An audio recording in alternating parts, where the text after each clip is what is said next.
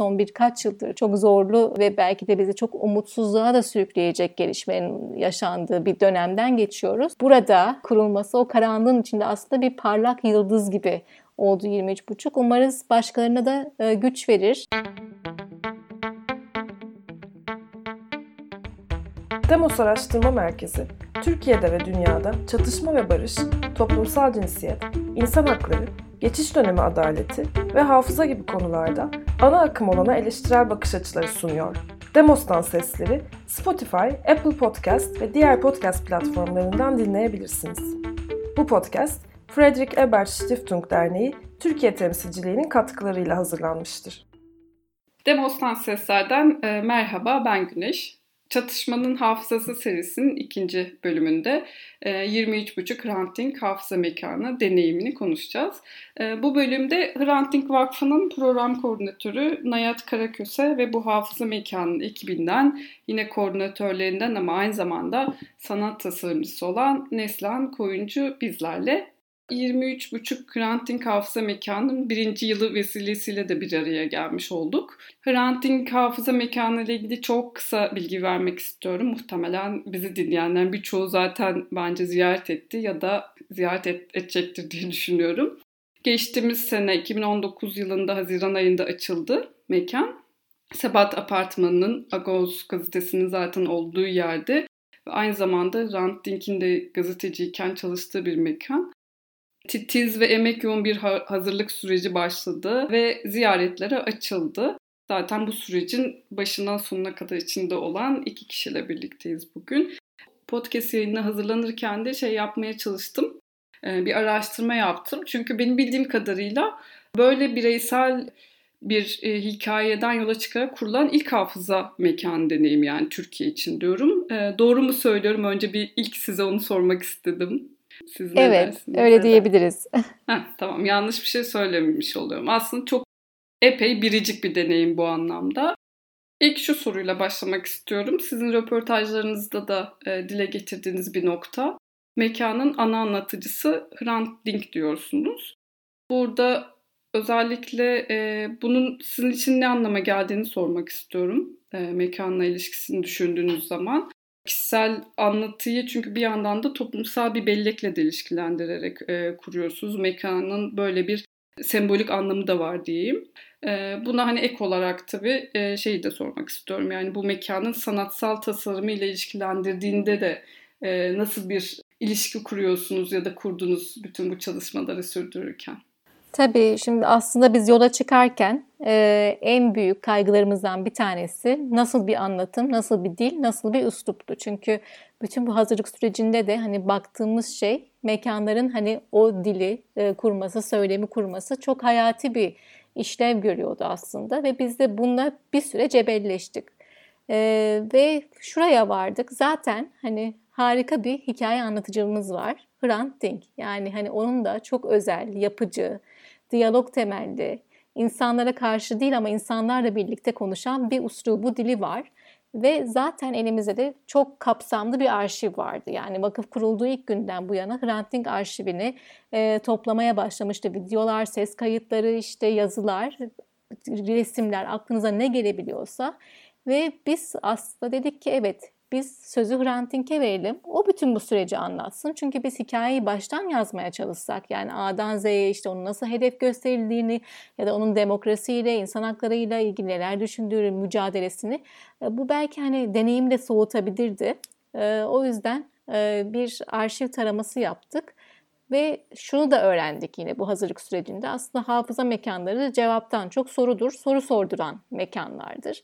ve mekana geldiğinde göreceksiniz ki birçok video var ve her bir video bir soruyla başlıyor. Mesela ben Türkiye'de ne için mücadele ediyorum? İşte Agos ne için kuruldu diye ve siz o videoya tıkladığınızda yanıtı Hrant Dink veriyor. Yani biz sorular sorup yanıtlarını Hrant Dink'ten alma yönünde bir kürasyon yaptık.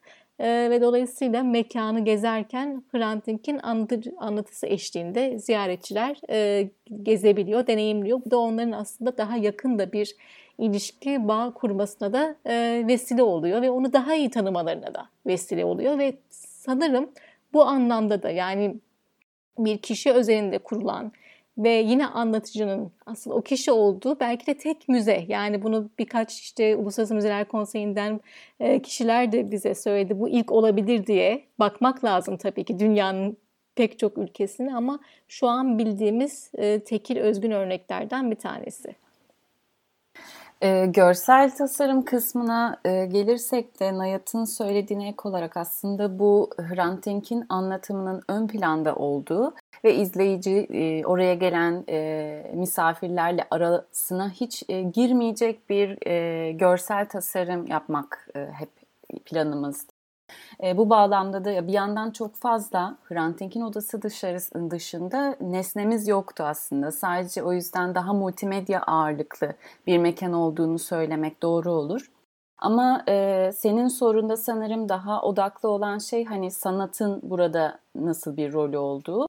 Bir metot, bir iletişim yolu olarak çok daha dönüştürücü, e, insanları e, oraya gelip orada tanık olan insanları çok daha etkileyen e, bir yol olduğunu e, söyleyebiliriz. Nitekim mesela Hrant Dink'in odası e, en çok hafıza nesneleriyle dolu olan oda hiçbir şekilde dokunmadık oraya görsel olarak e, bir tasarım e, müdahalesinde bulunmadık. Olduğu gibi koruduk 2017'de onun e, pardon 2007'de onun bıraktığı haliyle ancak onun hemen odasının bitişiğindeki mesela balkonda bir depo olarak kullanılıyordu. Orayı sanatçı Sarkis'e verdik ve Sarkis orayı bir hissetme, bir e, tefekkür mekanına dönüştürdü. Tuz ve Işık isimli. E, şapel hatta diyoruz gayri resmi olarak. Bu şekilde hani hem Hrant Dink'in e, tamamen orijinal odasına girip oradan bir bilgi ve his aktarılırken aynı zamanda o balkonda o sanat e, yerleştirmesiyle, enstelasyonuyla da çok daha farklı bir duygusal deneyim sağlanmış oluyor. Tam dediğin şey bu mekanın belki en dinamik tuttuğu şeylerden bir tanesi aslında Nayat'ın da söylediği. Kendi deneyimini ondan dinliyoruz. Dolayısıyla ziyaretçiyle yani dinleyiciyle ranting arasına çok da girilmemiş oluyor. Yani bütün tasarımda biraz bunun üzerinden kurulmuş gibi. Ranting'in odasını kururken peki hem sanatsal gözle hem de e, Ranting'in kişisel objeleriyle yani onun kişisel hikayesine götüren o objeleri bir araya getirmede nasıl bir e, yol yöntem benimsediniz onu bir merak ettim şimdi. Belki bu odayla ilgili atölyeden bahsetmek mümkün olabilir. Çünkü az önce söylediğim gibi biz o odada e, hiçbir müdahale yapmadık gerçekten de. E, bütün kitaplar ona göre dizili. Sadece insanların isimlerini öğrenebileceği bir database'e aktarıldı vesaire. E, odasında her şey dokunulabilir halde hiçbir şekilde bir kırmızı kordon koyup e, insanları kısıtlamadık. E, bir atölye de tasarladığı bir önce önceki bir çalışanımız Sena Başöz kendisi yine sanatçı.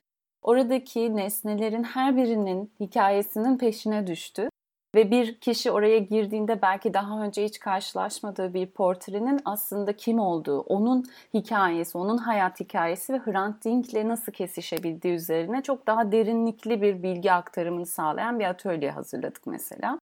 Ee, burada müdahale edemesem de e, içeriği daha derinleştirdiğimiz şey atölye olmuş oldu. E, mekanı oluştururken de biraz dile getirdiğiniz zaten kurulum aşamasına dair de çok detaylı bir rapor var. Dinleyicilerimiz o rapora da bakabilir. Çünkü bir yandan da bir ilham kaynağı da yani benzer hafıza mekanlarının belki de Türkiye'de e, başlatılmasını öncülük edebilecek bir deneyim aktarımına dönebilecek kıymetli bir deneyim.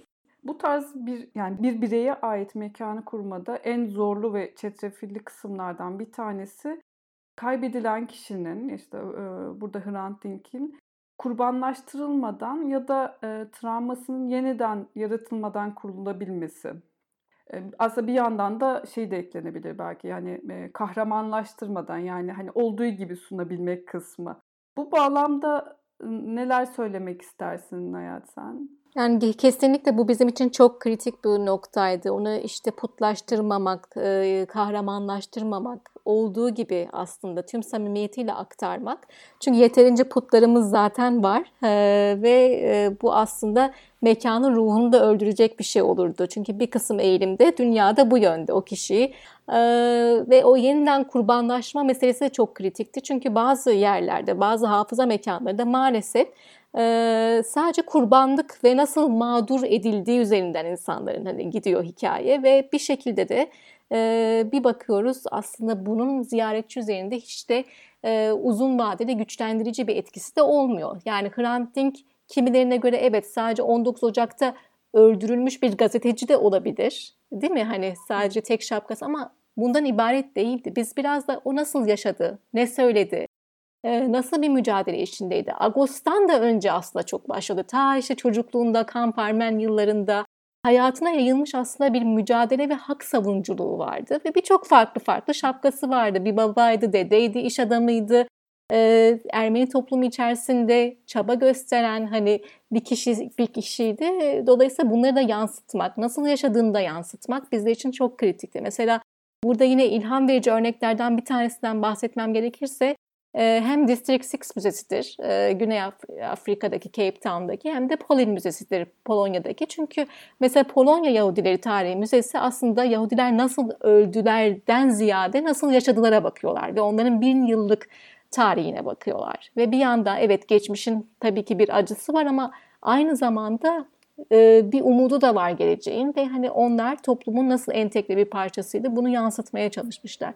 İşte bizim de derdimiz biraz sadece 19 Ocak ve sonrası değil ama öncesi e, ve onun işte cesaret edip e, başardığı mesela Agos gibi bir gazete kurması çok kıymetliydi 1996'da hmm. ve düşünsenize hani 90'lar çok kritik dönemler, çok zor e, dönem Türkiye için ve Ermenilerin hani Ermeni dölü olarak adlandırıldığı ve küfür olarak kullanıldığı bir bir dönemden bahsediyoruz ve o dönemde bir gazete kurmak inanın yani 2005 gibi falan değil yani çok çok daha zor. Ee, büyük bir cesaretti ve bunu bile yansıtmak, bunun önemini, o adımı nasıl attığını anlatmak, kişileri yüreklendirmek aslında çok kıymetli. Mesela Agos için e, ayırdığımız bir oda var. İşte o odada bu hikayeyi anlatıyoruz. Nasıl kuruldu, neler başardı e, ve halen de devam eden bir gazete. E, bir yani Polin Müzesi'nin baş küratörü Barbara Kişemlak şöyle demişti. Buranın DNA'sı şu aslında demişti. Sıradan bir insanın yaptığı sıra dışı işler. Ve bu aslında çok yüreklendirici ve cesaretlendirici. Sen de yapabilirsin hissi gelen ziyaretçi hani bunu verebilmek. Ee, biz böyle bir yol açıkçası izledik. Tam dediğin hani Hrant kişisel hayatı üzerinden takip ettiğinde aslında şey de biraz sanki çoğalıyor e, özdeşlik kurabileceğin ya da hatırlama kısmını kendi deneyiminle e, özgün bir hale getirebileceğin imkanlar da atılıyor gibi sanki. Yani mesela 12 Eylül sonrası Hrant yaşadığı bir gözaltı sürecindeki işkence deneyimden bahsediliyor. Mesela o dönemi yaşayanlar için öyle bir e, bağlantı kurabilir o kişi ya da sanki böyle bir anlatıyı da çoğaltıyor. Haf, e, hafızaları da bir çoğaltıyor gibi sanki gelen ziyaretçiler için. Sen ne tabii dersin? Ki, tabii ki. Yani aslında şöyle bir şey de vardı bize hani gelen biz e, hazırlık sürecinde birçok arama toplantısı yaptık diyalog toplantıları dediğimiz ve insanlara hep şunu sorduk bu mekanda neyi görmek isterdiniz? diye. Tabii olumsuzunu da sorduk ve kişiler bir kısmı diyorlardı ki işte 12 Eylül'de olsun 6-7 Eylül'de olsun Dersim'de olsun vesaire ama hani Küçücük bir mekanda her şeyi anlatmaya çalışırsanız günün sonunda hiçbir şey anlatamazsınız. Ama dedik ki Hrant Dink'in hayatına değen aslında e, birçok tarihi dönem var. Burası aynı zamanda Türkiye'nin yakın tarihine de bakan bir hafıza mekanı. Bu anlamda da çok kıymetli. Ve e, darbe ise 12 Eylül ise Hrant Dink mesela işte orada 3 ay tutuklanıyor ve orada yaşadığı bir deneyim var. Bizim o mikro hikayeyi aktarmamız aslında dönemin antidemokratik bütün hani uygulamalarına da ışık tutuyor neticede veya Hı-hı. hak ihlallerine. Ee, umarız bir gün Türkiye'de bir insan hakları müzesi olur ve biz hani etraflıca, kapsamlıca her şeyi bir gün işleyebiliriz. Belki yakın tarihte bu mümkün değil ama bir gün mutlaka hani olacaktır. Ama biz şu an için dediğimiz gibi onun kendi o mikro hikayelerinden, o mikrodan makroya biraz ışık tutmaya e, çalıştık. Hı e, bu mikro hikayeler dediğimiz aslında bir yandan daha böyle farklı e, bir daha geniş bir şekilde temas etmek için Hrant Dink hep mesela insan hikayeleri eklemiş kendi anlatımına. Her bir yazısında gerçekten birey hikaye, bireysel hikaye üzerinden insanlarla ilişki kurmuş. O şekilde empatiyi de aslında sağlamış, sağlatmış ve biz bunu da takip etmeye çalıştık bu yolu. Nitekim bu yüzden hem onun özellikle o anlattığı hikayeleri yer vermek, o e, bireysel anlatılara hem de bir yandan mesela Adalet Arayışı Odası var. 19 Ocak e, gününü anlatan Ve o odada insanların hala 19 Ocak için 12-13 senedir geldiği bir gerçek var. Bu insanlar evet bir topluluğu, bir kalabalığı oluşturuyor ama bireysel olarak onların motivasyonunun ne olduğunu duymak dinleyen kişiyi çok daha farklı bir yerden etkileyebiliyor. Bunun da önemini aslında Hrant Dink'in verdiği örneklerle de aldık diyebiliriz. Neslihan sen e, söyledin aslında ikinize de e, sormak istiyorum bunu. Bu adalet arayışı odası var e, mekanda. E, tabii ki e, Ranting'in öldürülmesine dair dava devam ediyor. Hani hukuk süreç e, bambaşka zorlu bir mücadele ve devam eden bir nokta ama şeyi sormak istedim ben daha çok hafıza mekanıyla hafıza ile ilişkisi açısından. Bu e, 19 Ocak adalet yürüyüşleri arasında ilişkiyi nasıl kurarsınız? Şey başlayayım isterseniz. Şey yani şöyle aslında sokak daha ilk günden beri hep vardı. Yani 19 Ocak 2007 akşamı aslında sokak ve hani Sebat Apartmanı bir vicdan mekanına dönüştü. Hani bir yandan insanlar şöyle hani bugüne kadar hem anmaya hem adalet talep etmeye geliyorlardı ama şimdi bir de tamamlayıcı artık mekanın içine de girip hani Hrant tanımaya geliyorlar. Onu bir, belki hani sözünü yaşatmaya geliyorlar. Dolayısıyla sokak ve mekan birbirini aslında tamamlayıcı. Bu mekanında umut yönünü oluşturuyor. Çünkü o tepki ve farklı farklı cenahlardan, ideolojilerden, kimliklerden kişilerin bir araya gelip yani normalde belki bir araya gelmeyecek kişilerin bir araya gelip o talepte ortaklaşması ve bunun bir şekilde devam edebiliyor olması e, çok kıymetli ve bu da hani biraz o geleceğe dair de umudu da temsil ediyor. Burada farklı bir şey yine altını çizmek istedim. E, Güneş sen yürüyüş dediğinde hani şu an ilk başta cenaze yürüyüşüydü gerçekten de ama aslında şu anda bir yürüyüştense bir durma hali. Yani insanlar oraya toplanıp orada duruyorlar ve dinliyorlar e, konuşanları mesela ve bu durmanın da ben kritik olduğunu düşünüyorum. Çünkü o Halaskar Gazi Caddesi çok hareketli bir cadde ve bir anda aslında bir çatlak yaratılıyor 19 Ocak'ta herkesin durmasıyla birlikte. E, Hrant Dink'in kaybı ile e, onu hatırlayanların ya da hatırlama çabasında olanların arasında ki mesafeyi bir türlü bir şekilde kısaltma deneyimi de diyebiliriz bu hafıza mekanını oluşturması yani hani hikayeleri e, bir yandan çünkü bu kayıpla olan e, mesafenin arasında gerçekten e, devlet inkarla işte dava sürecinin sonuçlanmamasıyla giriyor. Bu mesafeyi sürekli bir uzatmaya çalışan bir çaba var diğer taraftan değil mi? Adaletin tesis edilmemesiyle bir, bir şekilde ya da nefret söyleminin devam etmesiyle falan. Ee, şimdi bir yılda geçti üzerinden mekanın açılması. Bu süreci nasıl değerlendirirsiniz? Hani ziyaretçilerin izlenimlerinden, sizlere bıraktığı izlenimlerden bir onu duymak istedim sizden. Gördük ki aslında bu şekilde kurulan mekanlar çok güçlü ve çok sahici. Ziyaretçiyi deneyime katmak, onların sözünü dinlemek, angaje etmek. Bu bizim için çok kritikti. Bizim mekanın farklı noktalarında ziyaretçilerin sözünü, duygusunu, sesini dinleyebileceğimiz alanlar yarattık. Yani hani işte girişte bir ziyaretçi kartları bölümümüz var. Orada kartların üzerinde hak, hakikat, adalet, hafıza, umut yazıyor. Bunlarla ilgili o kadar güzel, o kadar kıymetli şeyler yazıyorlar ki gerçekten bu bizi de güçlendiriyor ve bunun devamlı güncellenir olması ve aslında serginin de bir parçası. Yani aslında her şeyi çok güzel anlattın benim de düşündüklerimi. Ee, belki biraz uzak bir e, örnek de olacak ama aklıma bir de Mesela insanların hani o yakınlaşması diye çok güzel açıkladın aslında Güneş. O mesafenin kısalması konusu.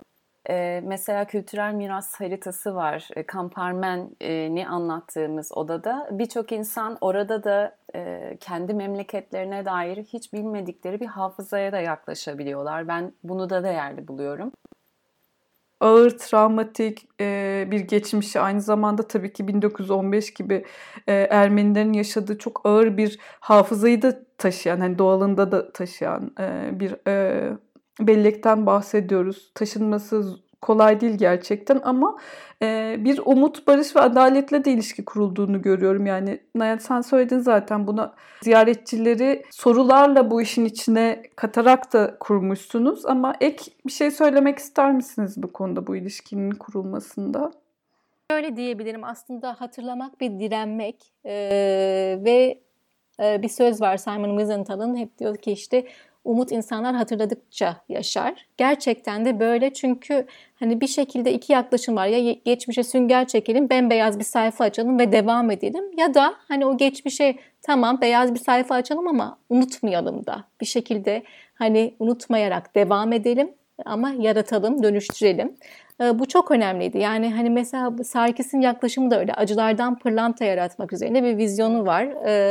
Bu gerçekten çok dönüştürücü. Çünkü hani baktığımızda e, çok zorlu tabii ki coğrafyalar var. Kamboçya, Güney Afrika, işte hani e, Güney Amerika gibi her yerde neler neler yaşanmış. Ama benim etkilendim yine biraz bu şey hazırlık sürecinden örnek vermek gerekirse e, ailesini kaybetmiş, katliamlarda yani yani akıl almaz şeyler yaşamış insanlar bugün o hafızayı muhafaza etmek için var gücüyle çabalıyor ve dönüşümün aktörü haline geliyorlar. Yani öyle kişilerle tanıştım ki diyor böyle aklıma bu geldiğimde ben herhalde onların yaşadıklarının yüzde onunu yaşasam asla devam edemezdim. Ama onlar hani bir şekilde bunu dönüştürmüşler. Bir kısmı hani biz barıştık o acıyla ve affetmeyi öğrendik olarak da tanımladılar. Ama örnek vermek gerekirse işte Arjantin'de Ezma vardır. Ee, işte orası da gizli bir tutuklama işkence merkezi haline getirilmiştir.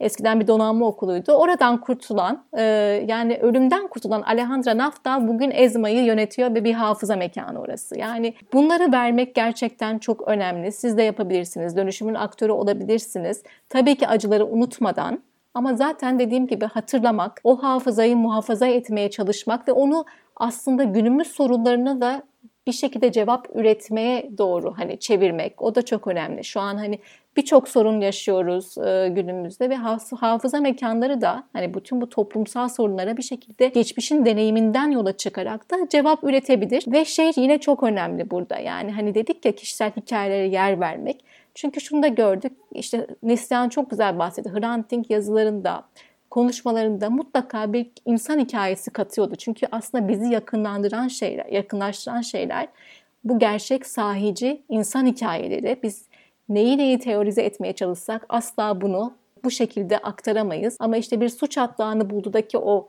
hikaye bize bambaşka bir etki, dönüştürücü etki yaratabiliyor. Dolayısıyla hani mekanda da insanların sesine, sözüne yer vermek ve onların belki diyelim ki yaşadıkları bir ayrımcılığa karşı hani ürettikleri bir strateji, bir karşı koyma şekli bir başkasının devası da olabilir. Bunu hiç unutmayalım. Onları da güçlendirebilir. Dolayısıyla insanın olduğu her yerde tabii ki zulüm de var ama aynı zamanda umut da var. Mücadele hepimiz için geçerli. Umarız da bu mekan ve hani Türkiye'de umarız ki kurulacak olan başka hafıza mekanları da bütün bu kolektif çabaya da e, katkı sunar kolektif hafızayla birlikte. Çok güzel bir tanımlama yaptın aslında bu toplumsal dönüştürücü gücü. Bunu görmek hakikaten tek başına ümitlendirici bir kısım sanırım. Bir yandan da böyle Türkiye bağlamında düşündüğümüzde işte şu an bir barış ortamı yok. Hani biraz umutsuz olduğumuz bir dönem, çok ağır geçen bir dönem hakikaten. Ama böyle bir hafıza mekanıyla bu adalet açığına dair de bir umut hissediyoruz. Yani tamam siyaseten şu an bir barış girişimi yok ama hala biz yine de bu adalet açığına katkı sunabiliriz, devam edebiliriz. Bu süreç esasında e, var oluyor. Hani o tabandan kurulması. Buna dair aslında bir e, son da söylemek istediklerinizle birlikte bir e, görüşünüzü almak isterim. Sonrasında biraz kaydımızın sonuna gelmiş olacağız. E, ya var olan şu anki hukuk sistemi ile e, adaleti sağlamanın aslında ne kadar zor olduğunu yaşıyoruz, deneyimliyoruz. Ancak orada e, birçok insanın ziyaretine tanık olmuş bir kişi olarak şunu söyleyebilirim ki her oraya gelen e, biraz da maruz kaldıktan sonra dönüşen bir insanla sanki adalete bir adım daha yaklaşmışız hissini yaşıyorum ben kendi adıma. Evet kesinlikle yani burada bizi güçlendiren, yüreklendiren birçok şeyle yani ziyaretçiyle karşılaştık ve her biri bize gerçekten güç verdi, umut verdi. Umarız bu çoğalır. Bir de şeye değineyim yani bütün hani o zorlu süreçlerde mesela gördüğümde Güney Afrika'da mesela District 6 Müzesi apartheid rejimi devam ederken aslında e, konuşulmaya, kurulmaya başlanmış. Bu çok kıymetli. Yani hiçbir umudun olmadığı bir dönemde e, toplaşmışlar ve biz bu hafızamızı nasıl hani aktarabiliriz diye e, insanlar, o günün mağdurları bir araya gelip o müzenin altyapısını kurmuşlar. Aynı şekilde birçok zorlukta da aslında çok e, önemli, kıymetli, güçlendirici girişimler çıkabiliyor. Hani böyle en karanlık olduğunu düşündüğümüz anlarda bile aslında kendi aydınlığımızı bir şekilde bence yaratabiliyoruz. Ben 23.5'u da biraz öyle görüyorum. Çünkü kolay bir süreçte kurulmadı. Ee, yani hani Türkiye son birkaç yıldır çok zorlu ve belki de bizi çok umutsuzluğa da sürükleyecek gelişmenin yaşandığı bir dönemden geçiyoruz. Burada kurulması o karanlığın içinde aslında bir parlak yıldız gibi oldu 23.5. Umarız başkalarına da e, güç verir, ilham verir, cesaretlendirir. Çünkü kesinlikle yüzleşilmesi gereken birçok geçmişimiz var. İşte tam da bu mekanlar aslında bu açığı kapatan e, mekanlar olarak e, varlığını sürdürüyor. Umarız da çoğalır. Hmm, yayınımızın sonuna geldik. Çok çok güzeldi e, bu deneyimi sizlerden dinlemek. E, bu bellek ha, mekanının, e, bellek çalışmasının da çok kıymetli bir deneyim olduğunu e, düşünüyorum ben de. E, bir yandan da çünkü bellek hani böyle otomatik olarak demokratik bir şekilde anlatılmıyor ya da kurulmuyor hakikaten ya da otomatik olarak adalet ve barış çağrısıyla ilişki yapılmıyor. E, tam da sizin söylediğiniz gibi o çok uzun bir süreç hani bu mekanın oluşması aslında o yüzden arkasında kocaman bir deneyim ve tarih yatıyor diye belirtebiliriz. Bu, bu anlamda aslında bir müdahale gerekiyor. Aslında sizler de yani sizin içinde olduğunuz kocaman bir e, ekip e, arkasında duran bir müdahalede bulunuyorsunuz. Bir hafıza işçiliği var e, bu anlamda. E, devam da eden böyle katılımcıları da içine alarak genişleyen bir e, hafıza işçiliği diyeyim. E, gerçekten hem çok kolay gelsin hem de ellerinize sağlık. Çok teşekkür ederiz. İlginize çok de çok teşekkür ederiz. Umarım en kısa zamanda ağırlarız sizi mekanda. Evet, o umarım benim de dileğim öyle. Ee, bizimle olduğunuz için tekrar çok teşekkürler. Ee, dinleyicilere de te- teşekkür ediyorum. Hakkımızda ne düşündüğünüzü merak ediyoruz. Demos'tan seslere üye olmayı, puan vermeyi, yorum ve önerilerinizi bizimle sosyal medya hesaplarımız üzerinden paylaşmayı unutmayın.